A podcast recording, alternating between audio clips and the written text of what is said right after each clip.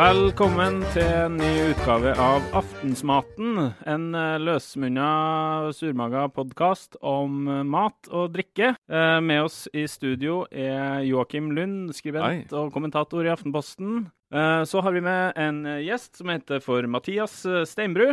Han har lang erfaring fra restaurant og kjøttutsalg, og en matglad, morsom skribent. Hei, hei. Hei, hei. Sjøl heter jeg Carl Alfred Dahl og er ikke morsom, men matglad. Jeg syns du er både morsom og matglad, egentlig. Så Jeg merker at du har eh, beholdt dialekten i dag. Oi, fint. Tusen takk. Så enya og eh, Ja, det, dette lover bra. Fikk kjeft sist, sist sjø. Så Ok.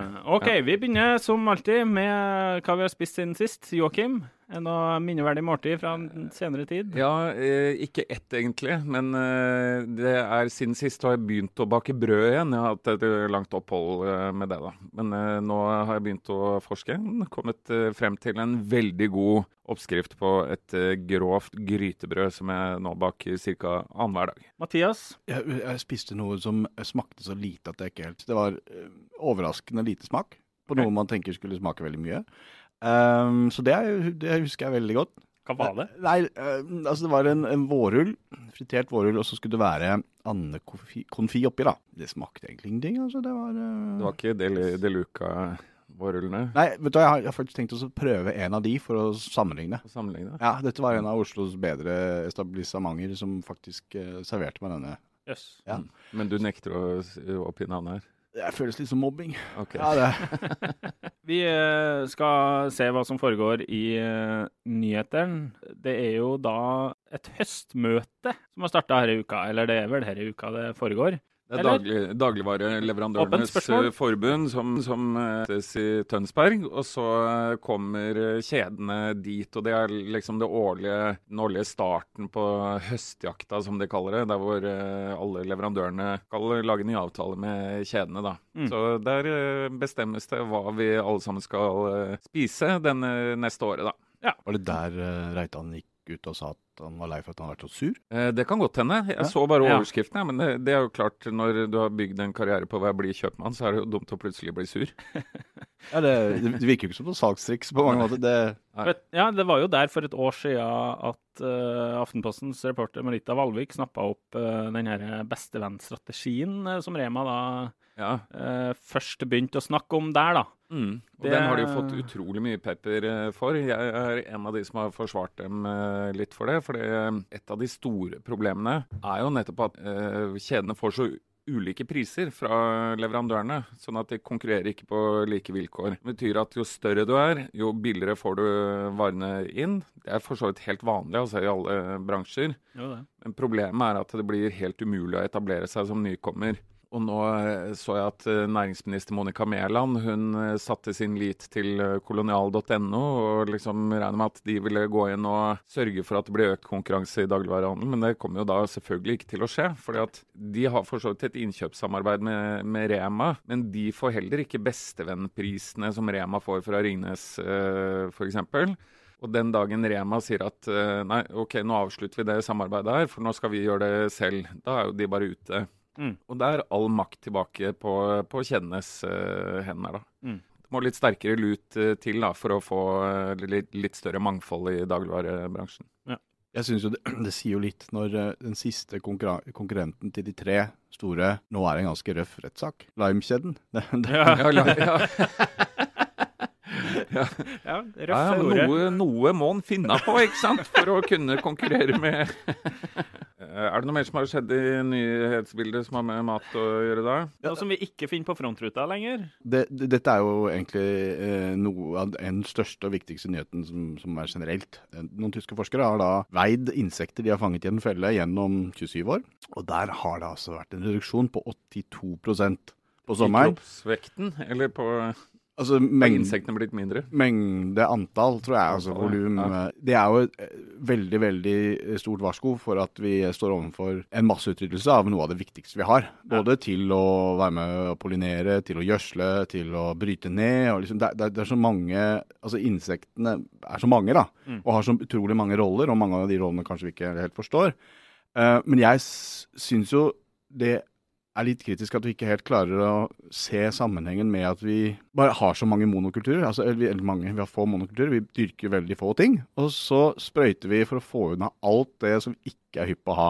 Og det tenker jo jeg at har en sammenheng med at det kanskje ikke da er så mange insekter igjen. da. Altså Når du tar bort mangfold, så forplanter jo det seg oppover i kjeden. Men det er veldig sprøyting, sprøyting som er årsaken, sier den forskningen om det? eller? Den sier det er flere årsaker. Den ene er jo det at det er veldig store landareal som blir tatt i bruk til landbruk, eh, og da av én kornsort-type. Og så er det det at man sprøyter. Og så er det det som også er en sånn veldig, jeg vet ikke, som jeg husker veldig mye bedre fra da jeg var liten enn enn enn, når jeg kjørte ned i Europa, er de, de rennene som er mellom de dyrka åkrene, hvor det er et stort mangfold da, Mm. av, av uh, vekster som gror.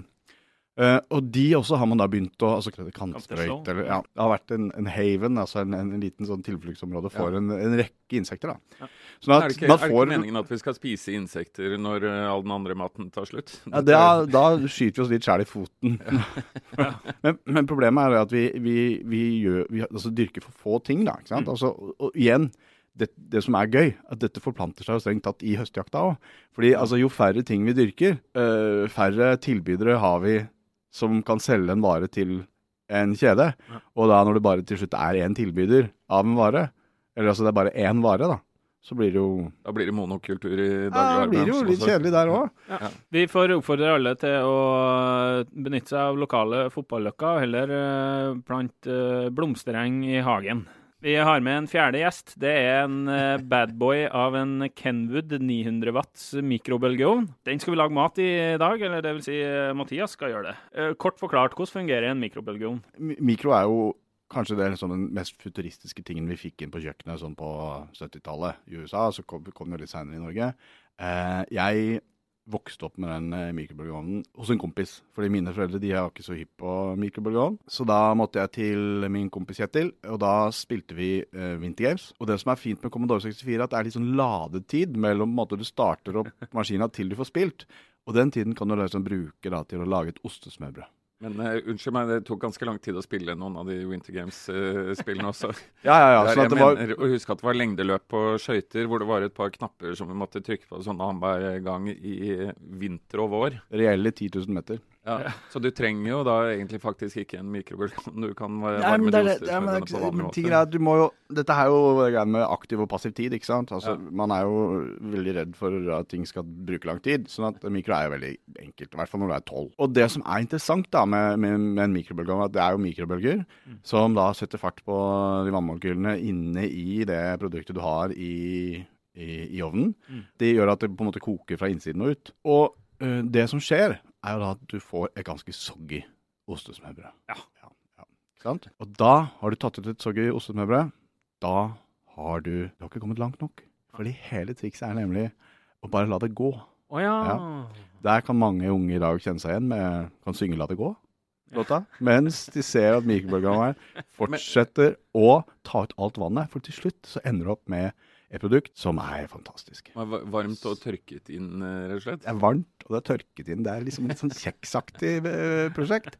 Fantastisk. Eh, ja, det er vi virkelig eh, En av mine store utålmodigheten er på en måte årsaken til det mjuke ostesmørbrødet. da. Og Ja. utålmodigheten er vel også årsaken til mikrobølgeovn? Ja. I. Eh, ja, jeg, jeg, tror det. Eh, det er jo gammel militærteknologi, og, og, og liksom, historien sier at det var sånn når de prøvde for å sende informasjon fra Ja. en antenne til en annen, så kokte de alle fuglene imellom. Så det er jo veldig effektive saker. Så det er jo, man skal være forsiktig med mikrobølgeovn. Ja. Fordi at eh, det ostesmørbrødet inspirerte meg litt til å lage en, eh, lage en førsterett. Altså dagens uh, forrett. Oh yeah. Men eh, OK, snakker vi til her, eller var uh, Ja, vi, vi, vi er litt sånn tapasavdeling, tenker jeg. Bra. Ok, hvor, hvor, eh, hvor mye tid har vi eh, på oss her? Vi har eh, brukt 11 minutter, Okay. så eh, vi er halvveis i sendinga, kanskje. Vi får se. Vi får lage mat. bare å sette i gang. Vær så 25, 25 Mathias. sekunder. Ok, du tar en uh, pakke parmesan, så rasper du den opp, og så putter du den 25 sekunder på full guffe i mikrobølgeovnen. Ok? Wow. Eh, Mathias nevnte at man må være forsiktig og passe på sikkerheten. Uh, kan jeg opplyse uh, litt om. Vi har uh, flytta et brannslukkingsapparat inn i uh, studio. Naboen advarte meg mot å bruke den eh, grillfunksjonen. Det er sånn grillrist helt, helt øverst i ovnen, og da røyklegger vi Har du, har du studio. mikro, eller, Kalle? Du, jeg er i en flytteprosess, eh, og der vi flytter inn, så er det innebygd mikrobølgeovn. Jeg har Aha. aldri hatt det eh, før. Men jeg har brukt det til å steke bacon på ferie i USA med Mm. stor suksess. Og nå gleder jeg meg til å flytte og endelig få stekt bacon i mikro. Men nei, nei vi har aldri hatt det hjem i oppveksten eller noe, men uh, Vi hadde faktisk det, altså, men jeg er usikker på om vi egentlig lagde noe særlig mat i den. Bortsett fra de der ostesmørbrødene. Hvordan går det med kjeksen her borte? Altså, jeg er litt skuffa over den ovnen. OK. Kjeks og singelliv? Altså, det, det, det Jeg kan ikke se inn. Nei, Nei, det det er en er en klar svakhet. En av Du kan, se deg, kan se deg selv, da. I, eh, det, eh, det er en veldig sånn reflekterende overflate på døren her. Det var et problem da jeg skulle legge ut bilde av en på Instagram-kontoen vår, Aftensmaten, i går kveld. Jeg var Ja. henta mikrobølgeovn. For da hadde jeg allerede kledd av meg, så da måtte jeg stå, stå veldig på sida av mikrobølgeovnen. for Naked ikke- chef. For ikke å få speilbildet mitt klina Ja, ut. Du lager, du lager rett og slett mat naken, er det det du sier? Nei, men uh, eh. Åh, det lukter jo i hvert fall oh. Ost her, da. Det må jeg jo si. Oh, eh, Som jeg ser for meg liksom kan feste seg i ganen hvis man ikke har eh, helt tålmodighet. Ja, Det vi hører lyden av nå, er eh, Det er altså popkorn, men det er vel ikke noe sånn veldig banebrytende med popkorn i mikro? Jeg tenker jo at mikrobølgeovn er jo en, en veldig bra popkornmaskin. Det blir jo veldig luftig og mye bedre enn kjele, egentlig, syns jeg. da. Mm. Ja. Og øh, jeg har funnet en metode da for å kunne gjøre det selv, med å velge eget krydder. Og da har jeg tatt to ting eh, som jeg også har laget mye av i popkorn, og kombinert. Uh, popkorn og nudler. What? Korn og nudler? Yes. Er det mulig? Eh, nei, det er ikke mulig. Så derfor tar jeg nudelkrydderet. Nå har du altså kjøpt uh, Mathias har altså da med seg med pop selv uh, popkorn. Ja, Som ikke er den eh, mikrovarianten, men ja. bare vanlig kønn. Vanlig. Og så har du oppi nudelkrydderet, ja. krydderposen fra en nudelbakke, og et par skjeer kaldpressa rapsolje. Oppi en papirpose. Dette ser ut som du har gjort uh, før. Vil du si at det blir bedre popkorn uh, av å gjøre det på den måten? Altså, jeg har aldri, aldri gjort det her før. Å nei. Du har faktisk den effekten på folk at du klarer å skape en illusjon at du har kunnskap på et eller annet område, eller Bretter Nå rister jeg denne posen her. Mm. Ja. Og du ser olja komme gjennom, ikke sant? ja. ja. Olja trekker gjennom papiret. Og nå er det jo advarselen, da, for at uh, dette er problemet ved mikropop. Det kan fort bli en liten brannbombe inni. Så nå må vi følge med. Og der er det vanskelig med det. Ok, Skal jeg stå klar med, med Ja. brannslukningsapparatet? Ja, Joakim må ile til å være brannvern her. Oi, men se her. Oi, oi, oi, her får vi utdelt da. Men den uh, parmesankjeksen, den begynner jo å se veldig bra ut, da. Åh, Oi. Ja, men det var ikke langt unna. Jeg tror jeg brukte litt mye parmesan. det er ingenting som heter litt mye parmesan. Mm. Helt nydelig. Litt seig, Mm. men, Mm. um, men uh, veldig, veldig godt, da. Helt Kanskje hvis den hadde fått tørke på et tørkepapir litt uh, lenger. Mm. Nei, men det var god parmesan. parmesan. Hva var ditt første møte med mikrobølgeovn, uh, Joakim? Da jeg gikk på, på ungdomsskolen cirka, da fikk vi eh, mikrobølgeovn. Sånn jeg husker det, så ble den stort sett eh, brukt eh, til å tine ting hjemme hos oss. Det var liksom det foreldrene mine brukte den til. Og så brukte jeg den til å lage ostesmørbrød mens jeg så på Going eh, for Gold. Ja. Men det er jo litt morsomt, syns jeg, fordi at uh, hele den store bølgen som uh, vet ikke om den kanskje begynte med Ferran Adria og El Bulli og verdens beste restaurant og greiene. Han, han tok jo frem masse hjelpemidler man uh, gjerne hadde i kjøkkenet i gamle dager. Og så brukte det på nye måter. ikke sant? Sånne skumflasker og um, trykkoker, ikke minst. Ja. Og så kom jo han eh, Nathan Myhrvold med Modernist Cuisine og liksom, altså lagde et ordentlig oppslagsverk da, hvor han brukte alle de tingene. Så mange av de gamle tingene som har kommet veldig sånn til heder og verdighet. Mm. Men mikrobølgeovn føler jeg jeg er liksom ikke helt der, altså. Du har, vi, vi har fortsatt ikke liksom fått noen eh, sånne veldig profilerte kokker som eh, Bare, bare å vente. Jeg er helt sikker på uh, mikrobølgeovn får sin Altså, Hvis jeg kan få skyte inn der. Jeg var litt opptatt med popkorn. men eh, nettopp Adria, eller Albert Adria, har jo utviklet en kake for mikroen. Å ja. Den skal du få nå. Er det mulig? Mikrokake. Mm. Altså, jeg er helt sikker på at mikrobølgeovn kommer til å gjøre, eh, gjøre et komet-comeback uh, i mer, eh, en mer høyverdig form. Mens uh, sous vide kommer til å gå andre veien. Starte litt sånn elitistisk, og så blir det som den nye mikroen etter hvert. Og der er vi vel nesten uh, allerede. Ja. Oi, hva er det du holder på med nå, Mathias? Lager den der kaka til Albert Adria. Ja, det er det. ja. Du visper sammen eh, noe greier oppi en, en kopp her. Er det popkorn i halsen? Popcorn i halsen. Veldig godt uh, popkorn, da. Ja, Nydelig på smak. Veldig bra popkorn. Ja, det funka, det. Mm. Funka. Altså, sånn at Istedenfor å kjøpe mikropop, som inneholder masse sånne usunne ting, så kan dere da bruke norsk rapsolje, eh, Mm. popkorn, i en brun papirpose, og så poppe i vei. Men Men, mens eh, Mathias holder på her, jeg tenkte vi kan jo også prøve oss på en eh, litt sånn historisk og sosiologisk analyse av mikrobølgeovnen. Eller sånn hvorfor den egentlig kom inn i kjøkkenet i det hele tatt. Skal vi se, det var vel sånn eh, på begynnelsen av 80-tallet en gang omtrent at vi fikk det, i hvert fall. Eh, 77 starta de første dagligvarekjedene opp i, i Norge. Ja. På begynnelsen av 80-tallet så det hadde veldig mye blitt kjeder. Alle mødrene skulle ut i jobb, og kjedene fortalte oss da hele tiden at det er helt mulig. Da må dere bare ha mat som er billig og kjapp å lage, og det skal være enkelt og greit. Dette er det amerikanerne kaller convenience. Mm. Eh, som ble liksom det store retningsskiftet, ikke bare i norske kjøkkenet, da, men i, i hele vestlig verden. Ja, hele næringsmiddelindustrien. Det er convenience vi snakker snakker ja, om. ja, ja. ja, ja for all del. Nå skulle vi sikkert hatt en, en representant der som har brukt det hjem eh, på, på den convenient eh, måten nå, da. Trusselen er vel sikkert at man glemmer mye av de grepene som er så mye uh, basic, da. Men det interessante er litt tilbake til um, convenience og teknikk. fordi at hvis du ser på det, det nye som kommer nå, som er sånn smart ovn og, og smart uh, alt, de har jo kombinerer alle de teknologiene som man har funnet. Så det er liksom en mikro inni der, Mm. uh, i liksom toastjerne, sånn at det kan smelte osten samtidig som du får sånn perfekt sånn karamellisert, sprø brødoverflate uh, på kortest mulig tid. Mm. Og det, det er jo i og for seg fint det å ha verktøy som kan gjøre ting. Problemet er kanskje at hvis vi får veldig spesialiserte verktøy som kan én ting, et toastjern f.eks., da øh, må du spise veldig mye toast. Det er jo ikke så sunt, kanskje. Nei, og så tar det jo plass. Jeg hater å ha ting på kjøkkenet som tar plass. Og så tenker jeg toastjern er jo egentlig et uh, vaffeljern. og så skal man lage toast, lage vaffeljernet. Det, vaffeljern har man jo uansett gjerne. Da får du jo også et litt sånn norsk tradisjonsmatpreg på det, med vaffelhjerte prega i toasten. da. Ja, Da skal du kalle en honnør til Moods of Norway, f.eks. Altså. det kan man. Hva er det mest høyteknologiske du har på kjøkkenet, Joakim? Ja, jeg har sovid-opplegg, da. Mm. Det har jeg. Jeg brukte det ganske mye en stund uh, også. eh, Litt sånn i fascinasjonen i møte med de greiene. Først hadde jeg en svær uh, boks med innebygd uh, varmeelement og, og hva heter det, sånn termostat. Sirkula- Ja. Mm. Og så bytta jeg den etter hvert i en sirkulator som er en sånn stav som du kan feste på kanten av en stor kjele eller en bakk eller eh, et eller annet sånt noe. Ja.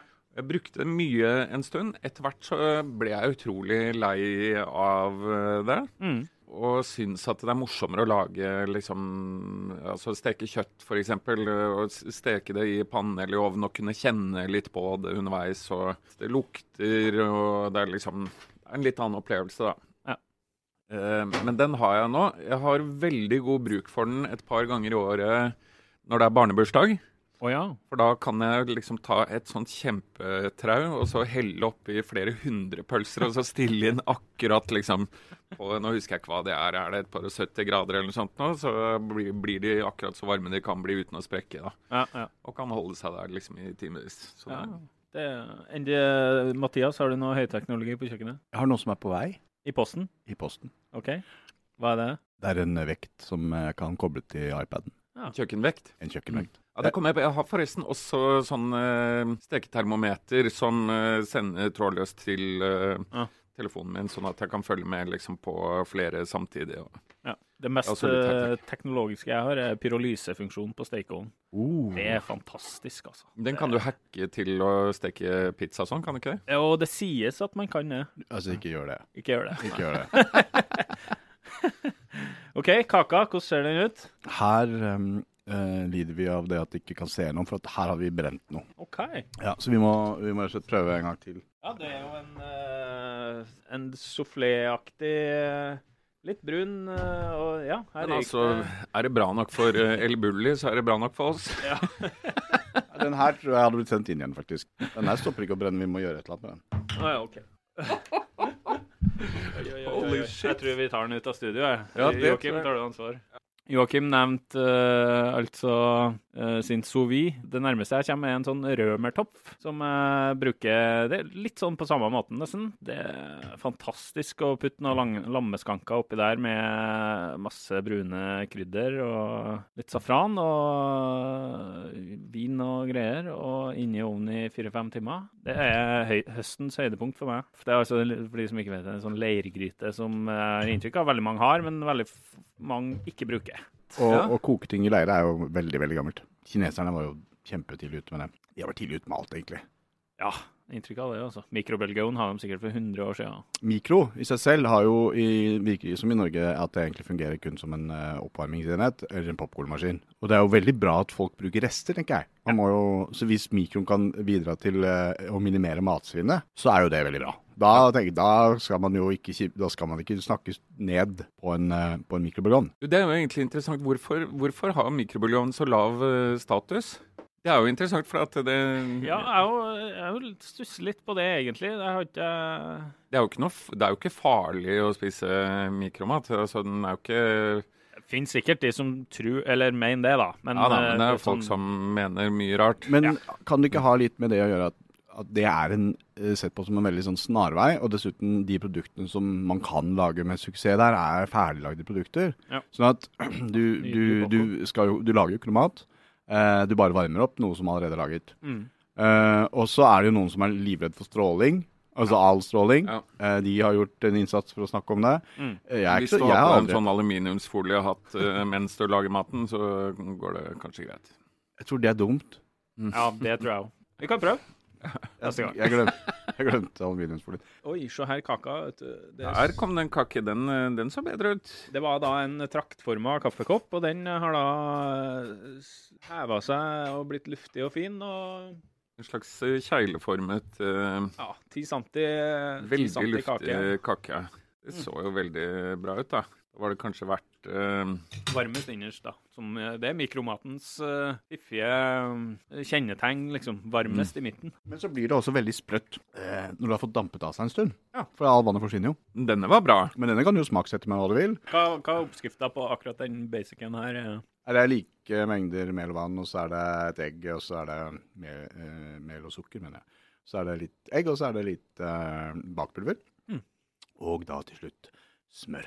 Veldig godt. Veldig og bra. veldig kjapt. Men dette, var da, dette er jo da inspirert av en dessert som ble laget til El Bouilly av Albert Adria, som heter Black Sesame et eller annet. Så det er som sesamkake med miso på toppen. Ja. Som var da laget Mm. til mikrobølgeovn. Albert Adria er da broren til den eh, litt mer berømte Fran eh, Adria. eh, Men Albert hadde også dessertlinja på El Bulli, og kommer for øvrig til Oslo neste måned for å gjøre noe gøyale ting. Hvis vi sier at I november. eh, Ja, Mm. i november, ja. Mm. Mm. Du har med noe fleskesvær. Fleskesvær. Ja, det er jo fordi um, Er man i butikken? Nei, du, dette er, dette er jo en, ganske viktig sak, faktisk. Og jeg vet ikke om dere har fulgt med litt i det danske landbruket i det siste? Nei. Nei, det er uh, De har jo vært kjent for å lage veldig, veldig mye svinekjøtt. Av uh, ikke så høy kvalitet. Uh, så dette kan på mange måter ses på som litt som et varsko for norsk landbrukspolitikk, og litt som en nødhjelp til Danmark. Aha. Fordi det de har klart å gjøre der, er at de har klart å ha en overinvestering i landbruket. Og det er litt samme som uh, man ønsker i landbrukspolitikken i Norge, er at man ønsker høyere investeringer, større strukturer, altså større enheter, som skal produsere mer mat. Og hva er det som skjer da? Jo, maten som kommer ut når det blir mer, da blir det billigere. Ja. Og hva skjer når bonden får mindre for hver eh, kjøtt? Neste år så må han lage da enda mer. Ja. Eh, sånn at det er jo en sånn dårlig spiral vi er inne i, hvor vi skal produsere mer og mer til mindre og mindre, istedenfor å eh, ha et ordentlig landbruk som er bærekraftig over lengre tid. Ja. Så økonomien her er, eh, er viktig å tenke på når vi skal uh, spise gris. Men fleskesværens uh, rolle i det her Det er dansk. Ja. Og gris er det de produserer i Danmark. Ja. Ja, Og en- de gårdene, og de gårdene i Danmark de går konkurs nå over en lav sko, for det er en overetablering av lavprisproduserende Akkurat. svinebønder. Det er et kjempeproblem i Danmark. Og i Sverige så gjelder det samme med melkebønder. Og dette er den kursen som vi har lagt oss politisk på, Ja. på i Norge. da. At vi skal ha større investering i landbruket og færre bruk. eh, og lage mer av eh, få ting. Mm. Det er jo I, helt feil I. Danmark så har de altså noen av verdens største eh, produksjonsmiljø for svin. Og der er, det er nå så mye svineskit at de klarer ikke å pløye det ned i jorda, rett og slett. De vet ikke hvor de skal gjøre eh, av det. Nei, og det, du, du vil jo ikke ha den skiten i jorda. Og det er jo eh, det, er, det er helt håpløst. Så, så dit, dit må vi liksom ikke komme, da. Nei, nei. Nå har vi altså vært gjennom parmesanchips. Eh, vi har spist popkorn som er krydra med nudelkrydderpose og litt eh, rapsolje i en papirpose. Godt bretta sammen. Og så har vi spist en eh, Er det en soufflé, sufflé, eller er det en kake med Nei, det er jo en sponge cake, heter det. sponge cake? Ja. Heter det. Svampekake. Ja, det var ganske bra, altså. Det var imponerende bra. Jeg er dårlig til å lage dessert, da, men eh, Men sånn generelt tips for mikro, da. Bruk lengre tid enn du tror. Ja, det er convenient. Det kutter Du kan kutte ned på tida du bruker på å lage mat, men hvis du bare bruker lengre tid enn det absolutte minimum, så blir det sprøtt og bra. Skal vi si det sånn? Ja, men det, jeg, tror det, jeg tror det er én ting som er viktig å huske på når det gjelder mat i mikro. Maten blir alltid bedre med et bedre utgangspunkt. Ja. Så altså, kjøp bedre mat først, så blir det bedre til slutt. Ja. Da spiller det ikke så stor rolle hvor du lager det, men hemmeligheten er eh, en god råvare. Ja. Og spis uh, variert. Masse forskjellig. Eksperimenter litt, liksom. Du Mathias, du skal eh, som vanlig lede utdelingen av matprisen snart. Ja, 13. på Vippa. Matprisen er eh, en eh, pris som er initiert av eh, Debio og, og, og Øku og disse forskjellige folk, med masse fine støttespillere, bl.a. dagligvarekjedene. Um, og da skal man gi ut prisen for uh, de som er gode til å lage mat, snakke om mat, uh, skrive om mat, uh, og ikke minst spise mat, som har med et bærekraftig perspektiv. Det blir rett og slett en, en, en hyllest da, av folk som er utrolig flinke til å lage mat. Um, og det um, blir bra, en, en svenske som kommer, som, som, uh, som heter Paul Svensson, som er utrolig bra på å ikke kaste noen ting. Aha. Så han lager mat av alt det som uh, man egentlig tenker at man kaster. Altså mm. skrell på grønnsaker eller uh, ja, så videre. Og uh, han er veldig opptatt av vegetar. At vi skal spise mindre kjøtt. Og jeg tenker, hvis alle bare spiser litt mindre kjøtt også, så det er så lite som skal til da, for å hjelpe veldig eh, store strukturer til å endre seg. Så um, spis bedre grønnsaker, og Mm. mer av det. Ja. Eh, og da kan dere komme på Vippa og se et heidundrende fantastisk show. Masse Mm. smaksprøver og greier. På ting man ikke skulle tro at uh, Noen kunne hete 13. november, eh, altså. Og når vi først er inne på Vippa, neste uke så kjører vi taco spesial. Ja. Fre Eh, fredag neste uke, da er det supertacofredag på Vippa. Da får de bl.a. flydd inn uh, Paco Mendes, som er kjøkkensjef på Oja Blanca, er det ikke den heter? Neste fredag, 27. oktober. Ses på Vippa. Ses på Vippa. Følg oss på Instagram på Aftensmaten. Eh, så er vi å finne på Spotify, eh, iTunes og Soundcloud osv. Din foretrukne podkast. Takk for nå. Takk for maten. Ha det bra!